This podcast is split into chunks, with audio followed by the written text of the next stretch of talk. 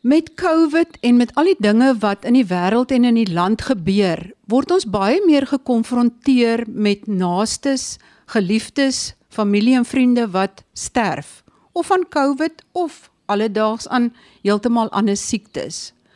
Maar wat is daai paadjie wat 'n mens loop totdat jy sterf? En wie is die mense wat jou bystaan en wat kan gedoen word? Ek gesels ver oggend met Dr. Maggie Venter, sy's 'n onkoloog en 'n palliatiewe sorg dokter. Nou palliatiewe sorg begin nie net wanneer jy omtrent op jou sterfbed lê nie. Dit begin omtrent met die diagnose van 'n ernstige siekte. Dokter Venter, Hoekom is dit nodig dat mense in kontak kom met iemand wat palliatiewe sorg verskaf? Waar pas dit heeltemal in die prentjie in? Baie dankie vir die geleentheid om hier oor te praat. Ek het in my tyd as onkoloog agtergekom, dis kompleks. Ehm um, en ek dink medisyne fokus meerendeels op die siekte of dit nou die kanker is of die nierversaking, wat ook al. Maar die mens is ook baie 'n belangrike deel van die proses en ek dink palliatiewe sorg kyk dan nou meer na die mens self. Wat gaan vir hulle aan in terme van simptome? Hoe kan ons jou lewenskwaliteit verbeter? Watter sielkundige of praktiese probleme is daar waarmee ons kan ondersteun of spirituele kwessies waarmee mense dikwels worstel as hulle gediagnoseer word met 'n ernstige siekte? En dit is baie gevra vir een dokter of een span om dit alles te hanteer. So ek dink dit is sinvol om addisionele hulp by te roep. En dit is vir my 'n voorreg om die pad uh, met mense saam te stap uh, oor 'n tydperk. Daar's gewoonlik as 'n mens in kontak kom met families hier heel aan die einde, is dit 'n krisisoomblik en is daar net hopeloos te veel dinge om uit te sorteer en ek dink ons kan 'n groot bydrae lewer tot die lyding uh, van ernstige siekte te kan verlig uh, saam met die mediese span wat andersins vir die pasiënt en die familie sorg. Praat jy nou van pynverligting? Ja, verseker, pynverligting is 'n groot een. Maar dan is daar ander kwessies in COVID spesifiek sou dit nou kort van asemheid wees, angstigheid wees, in kanker as jy opiate neem vir pynverligting, uh, raak baie mense hartlywig. So dit is allerlei uh, simptome. Maar pyn veral is is 'n groot een wat vreet aan lewenskwaliteit. Wat presies is palliatiewe sorg? So palliatiewe sorg is 'n is 'n mediese diens wat gelewer word deur 'n span wat spesifiek opgelei is wat gewoonlik bestaan uit 'n dokter, 'n opgeleide verpleegster en 'n maatskaplike werkster en dan dikwels ook wie ook al betrokke is by die persoon se spirituele lewe. 'n uh, Mens mag dalk ander mense nader roep soos 'n fisioterapeut of 'n arbeidsterapeut. En die doel daarvan is om mense wat lewe met ernstige siektes se lewenskwaliteit so goed as moontlik te maak en enige lyding te verminder. So dit word uh, as 'n span uh, gelewer met die pasiënt as sentraal tot daai span. Dit is nie 'n one size fits all nie. Daai plan word baie spesifiek rondom die pasiënt se behoeftes ontwerp. Ja, ek dink dit is my frustrasie. Ek het ver oggend vir iemand gesê, regtig in Suid-Afrika staan palliatiewe sorgspanne wat byvoorbeeld in hospisse aangebied word, staan bakkant vir befondsing by weldoeners uh, om hulle dienste te kan lewer, maar niemand gaan ooit vir 'n keisersnit of vir 'n blinde darm operasie hoef bakkant te staan om daai operasie gedoen te kry nie. En dit is 'n mediese diens soos wat 'n keisersnit of 'n blinde darm operasie is. Dis nie net 'n 'n stywe druk nie. Is dit net mense wat 'n terminaal siek is wat daarbey kan baat of kan mense wat kroniese pyn het of ander siektes wat nie noodwendig hulle lewe gaan eis nie, kan hulle ook daarbey baat of is dit eintlik nie vir hulle bedoel nie? Ek dink enigiemand kan sekerlik daarbey baat. Ehm um, ons fokus is wel op mense wat ernstige siekte het. Dit is uh, net nie noodwendig net kanker nie. Ek dink mense vereenselwig palliatiewe sorg met kanker, maar kroniese nierversaking, eindstadium hartversaking, longversaking, demensie is 'n groot ene ehm um, waar ons dan nie noodwendig alleen uh, betrokke is by die pasiënt nie, maar saam met die gewone mediese span wat na daai pasiënt omsien kroniese pyn sekerlik ook, maar daar is ander spesialiteitsrigtinge wat eerder daarna kyk. Ja. Is pasiënte meestal bang om dood te gaan of wat is die ding wat die grootste vrees inboesem as iemand besef dat hy 'n paadjie loop wat na die einde toe gaan? In my ervaring is mense nie so seer bang vir doodgaan nie. Hulle sê dit ook so. Die doodgaan is nie vir my die probleem nie. Dis die paadjie. Hoe gaan dit lyk tot ek by daai punt kom? Wat gaan ek ervaar? Gaan daar pyn wees? Gaan daar ongemak wees? 'n Groot kwessie vir mense is afhanklikheid van ander versorg. Dit is vir mense 'n groot probleem. So om dan te gesels oor wat moet ons in plek sit om daai ondersteuning te bied wat vir die pasiënt aanvaarbaar is en wat vir die familie doenbaar is. So dikwels dan nou daai stukkie pad, hoe gaan daai stukkie pad lyk tot my laaste asem? Verstaan pasiënte dat as hulle sê maar gediagnoseer word met 'n terminale siekte, sê maar met kanker. Die sukses van die behandeling word gemeet aan 5 jaar of 10 jaar oorlewingssyfers. Maar daar is nog steeds 'n kans dat dit kan metastaseer, dat dit na ander dele kan versprei of dat jy dalk een van daai 1 uit 20 is wat nie so gelukkig is om langer te kan leef nie. Besef pasiënte dit wanneer hulle gediagnoseer word en wanneer die onkoloog met hulle gesels. Ek dink die navorsing wys vir ons dat baie pasiënte, selfs 50% van pasiënte wat behandel word met die intensie om die siekteproses te vertraag en ekstra lewenstydperk by te voeg, maar nie noodwendig om te genees nie. 50% van daai pasiënte verstaan dit nie heeltemal so nie. En interessant, daar's 'n gedeelte van mense wat verstaan wat die onkoloog vir hulle sê, dat die behandeling nie geneeslik is nie, maar uit hulle perspektief is dit steeds geneeslik uit die pasiënt se perspektief. So ek dink daar is 'n fraksie van mense wat dit spreek tot hoop. Ek hoor wat jy sê dokter, maar ek gaan jou verkeerd bewys en ek ek hoop dat dit anders gaan draai. En ek dink baie keer is die manier hoe ons as onkoloë met mense praat nie heeltemal duidelik genoeg nie en ons is ook nie altyd so goed om terug te vra wat verstaan jy van wat ek nou vir jou gesê het nie. En dan vir baie mense is dit ook maar net 'n proses van aanvaarding. Hulle moet dit so 'n paar keer hoor voor dit regtig insink. En dan weet ons in onkologie baie keer al is die behandeling nie geneeslik nie, kan jy nog baie jare lewe met met hierdie kanker amper as 'n kroniese siekte.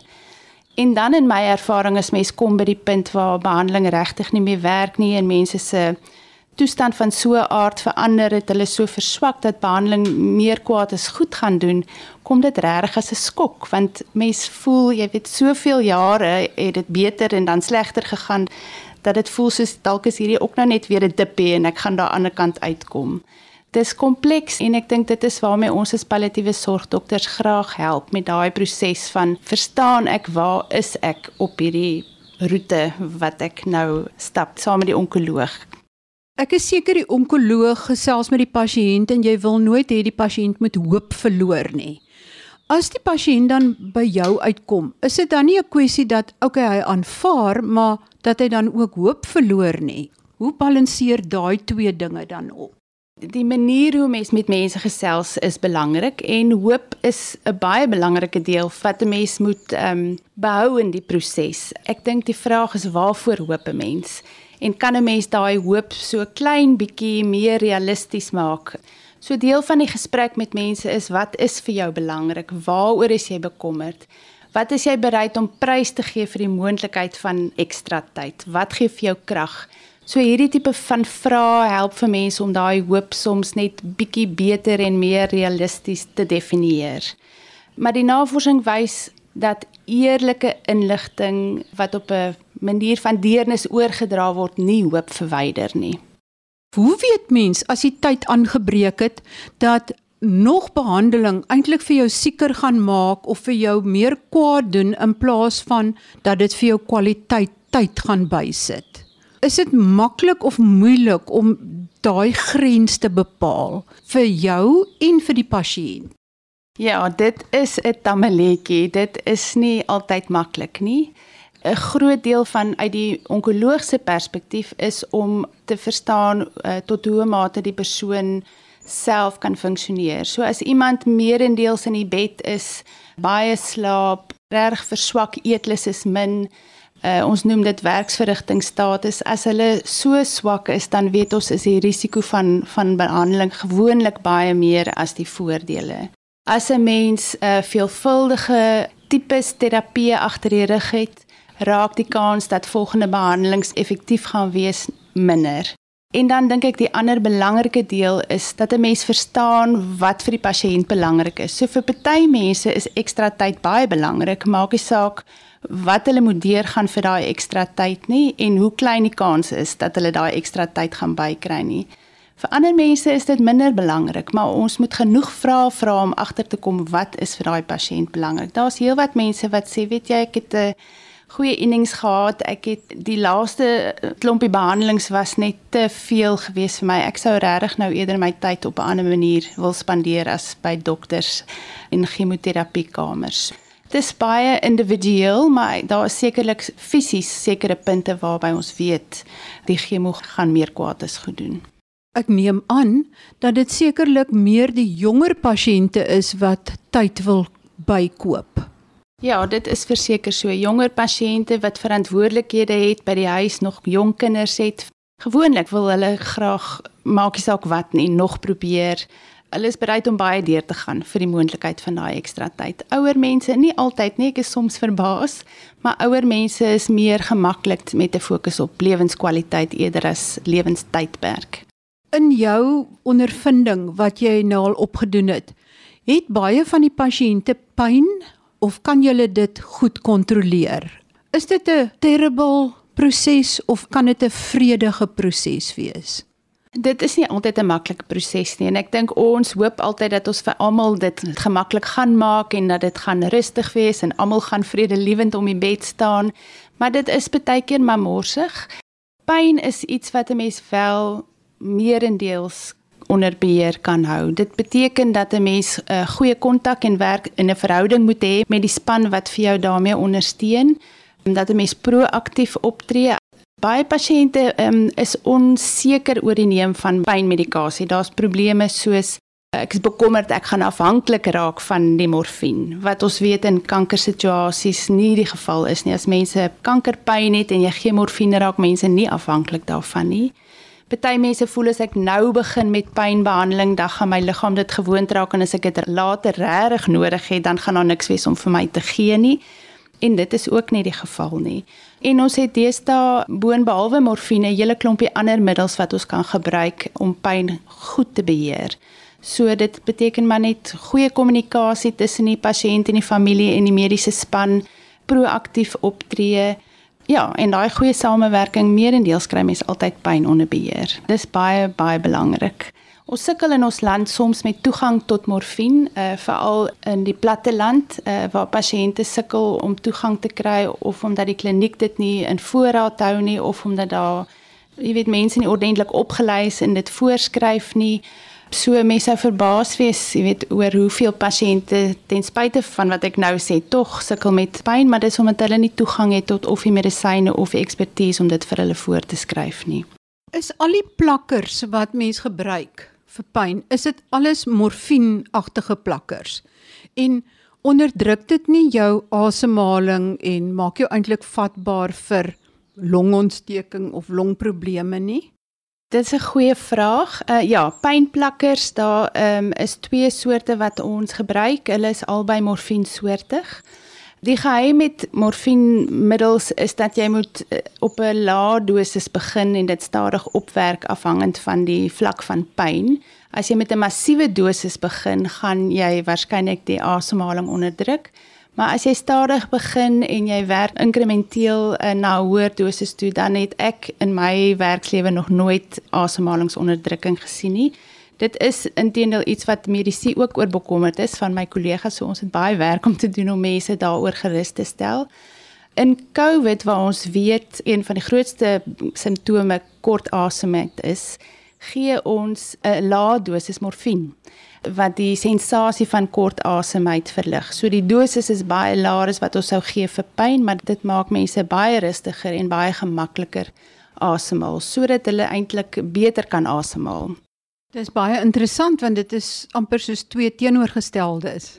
Hoekom ek die vraag gevra het is want ek het agtergekom by ouer huise as hulle hoor een van die pasiënte is in die siekeboeg en hy of sy kry plakkers en rol hulle oë en hulle dink die begrafnis is nou naby is hulle eintlik verkeerd?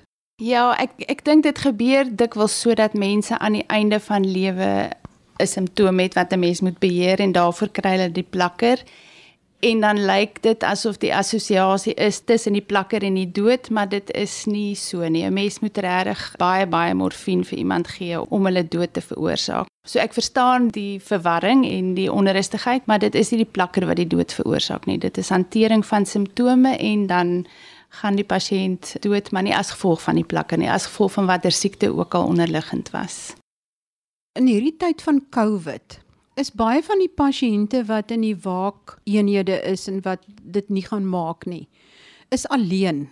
Hulle is eintlik alleen as hulle gaan sterf. Is daar 'n manier wat jy by die pasiënte kan uitkom of hoe staan mens so iemand by?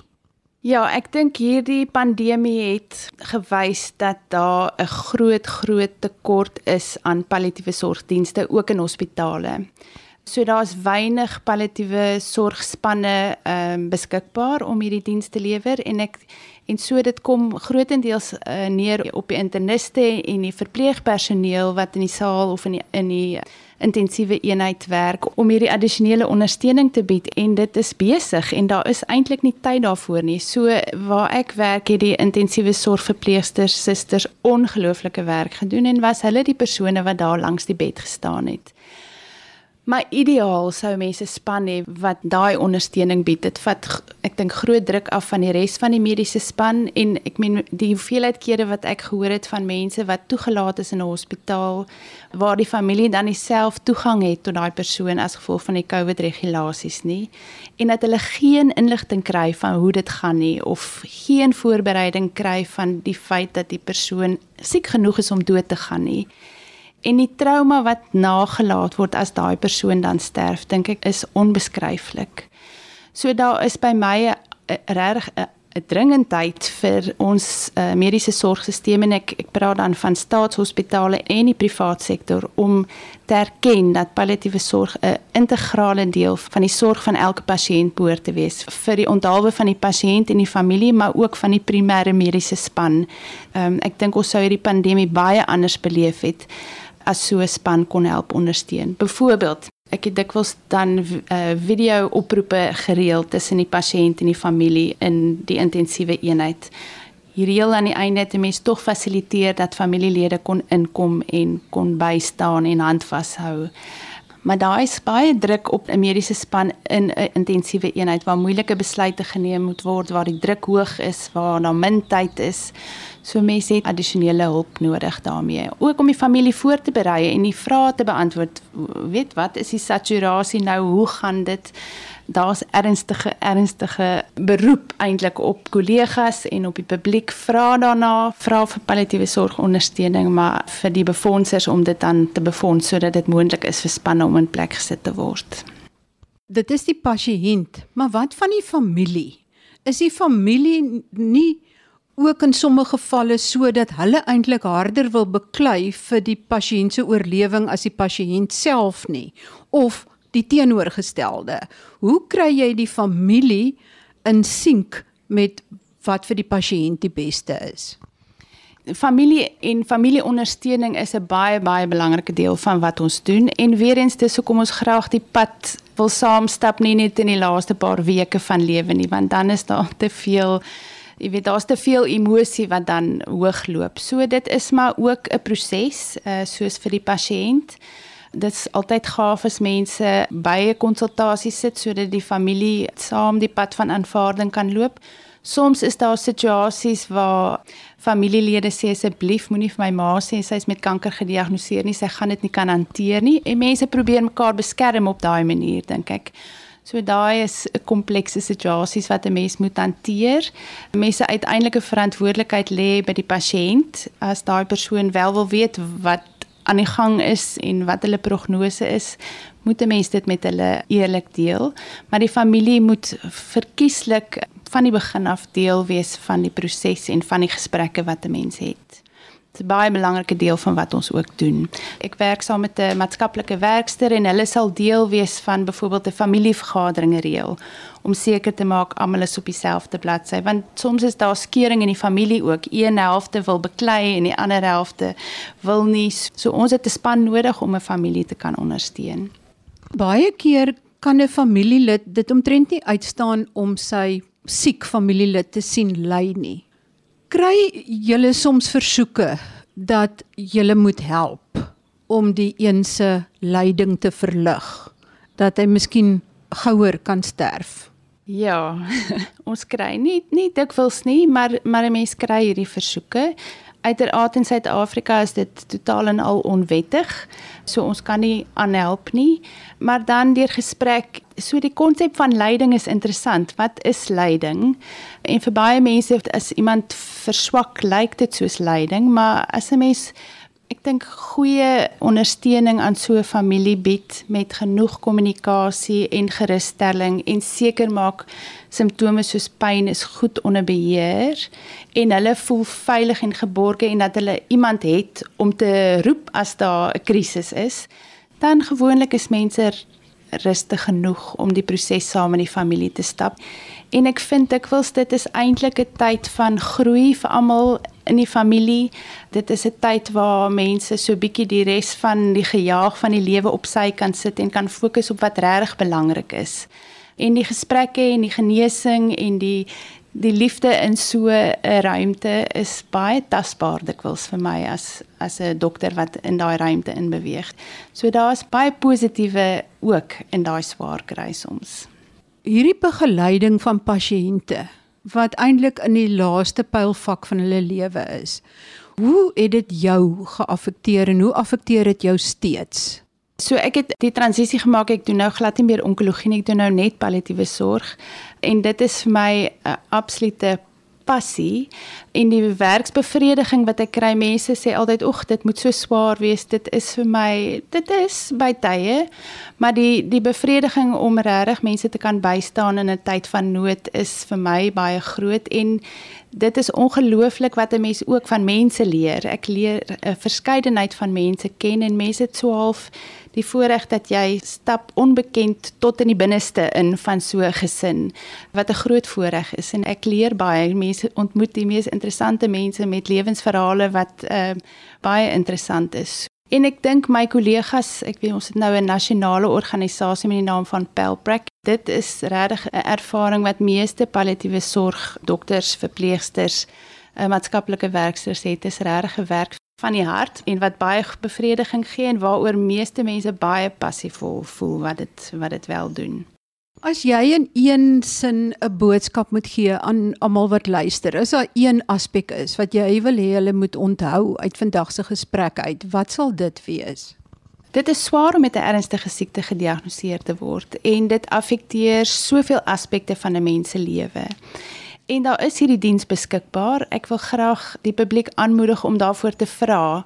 As die aanvraag groot is, gaan ons die dissipline kan groei en kan seker maak dat almal in Suid-Afrika toegang het daartoe. So vra daarvoor, dit is beskikbaar.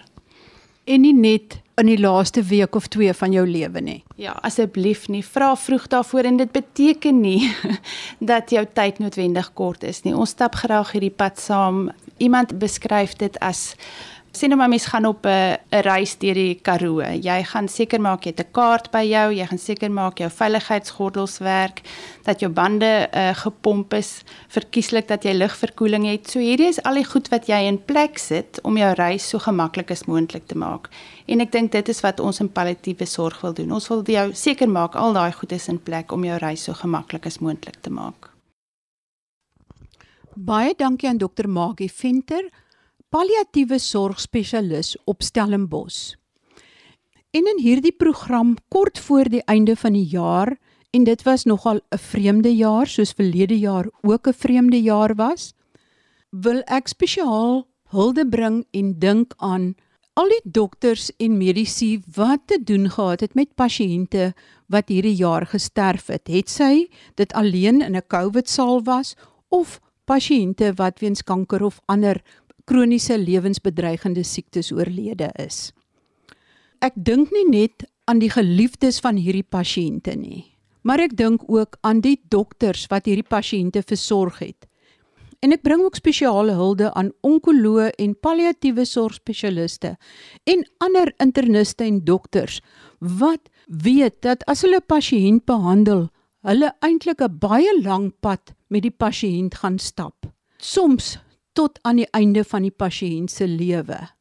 Ek wil amper sê dat hierdie spesialiste word gekies om hierdie beroep te beoefen want dit verg 'n baie spesiale soort mens en dokter om keer op keer hierdie pad met pasiënte te stap. En natuurlik wil ek vir al ons luisteraars 'n goeie, gesonde, voorspoedige 2022 toewens. Mag hierdie COVID virus vir 'n 6 geslaan word en alles weer na normaal terugkeer. Tot volgende week en tot volgende jaar dan wanneer ons weer gesondheidsake gesels. Groete van my, Marie Hudson.